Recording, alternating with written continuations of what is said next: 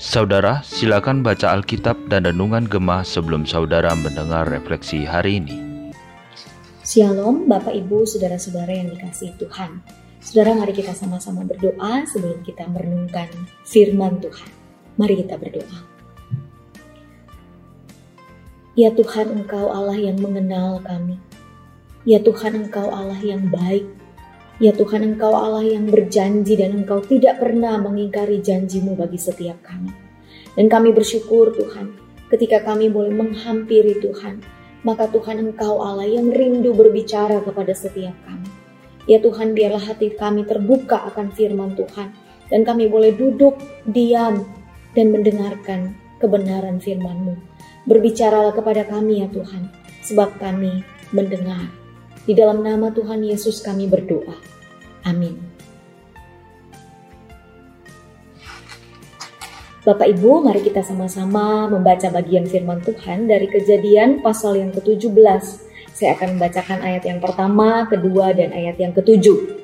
Ketika Abram berumur 99 tahun, maka Tuhan menampakkan diri kepada Abram dan berfirman kepadanya, Akulah Allah yang maha kuasa, hiduplah di hadapanku dengan tidak bercelah.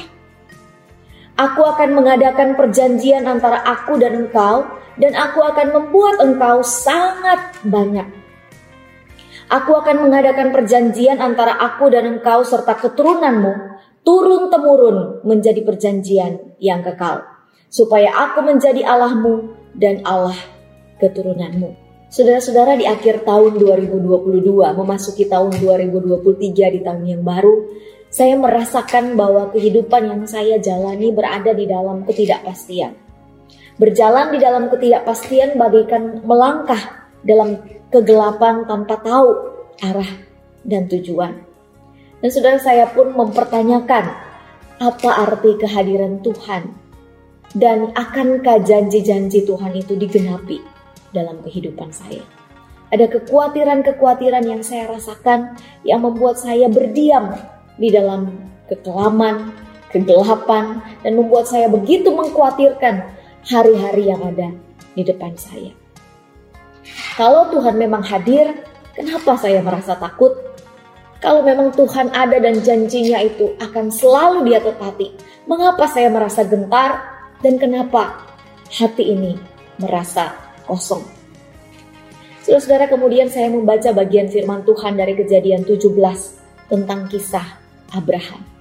Saudara-saudara di masa tuanya di usia 99 tahun, Abraham masih tetap menerima janji yang sama dari Allah. Allah itu berjanji akan memberkati Abraham dan memberikan dia keturunan menjadi bangsa. Bahkan Allah berjanji keturunannya akan menjadi raja-raja. Tapi apakah janji itu sudah digenapi, sudah dilihat, sudah diterima oleh Abraham? Belum, saudara.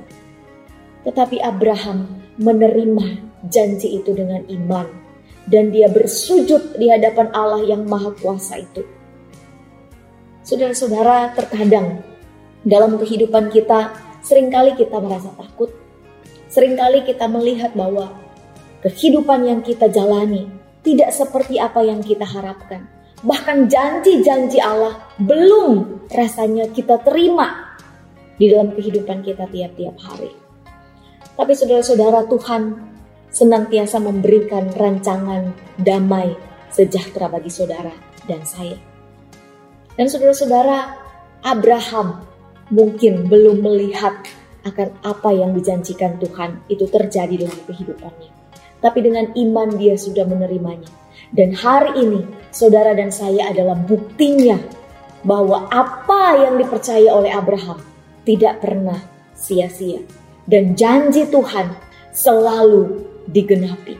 Tidak pernah Tuhan mengingkari janjinya. Terkadang saudara-saudara, yang perlu kita lakukan hanyalah percaya dan tidak pernah berhenti percaya akan janji Allah dalam kehidupan saudara dan saya. Ingatlah selalu bahwa Ia yang berjanji adalah Allah yang setia dengan setiap janjinya.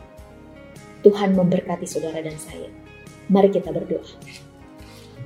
Bapa di surga kami bersyukur karena Engkau Allah yang berjanji dan Engkau Allah yang setia menepati janjimu dalam kehidupan kami.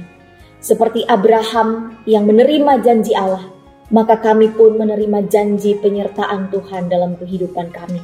Janji berkat Allah, Tuhan kami juga terima sebagaimana Abraham menerimanya.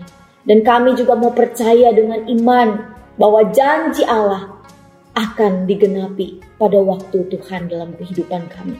Tuhan berkati kami supaya kami boleh terus teguh memegang iman kami kepada Tuhan. Apa pun yang terjadi dalam kehidupan kami.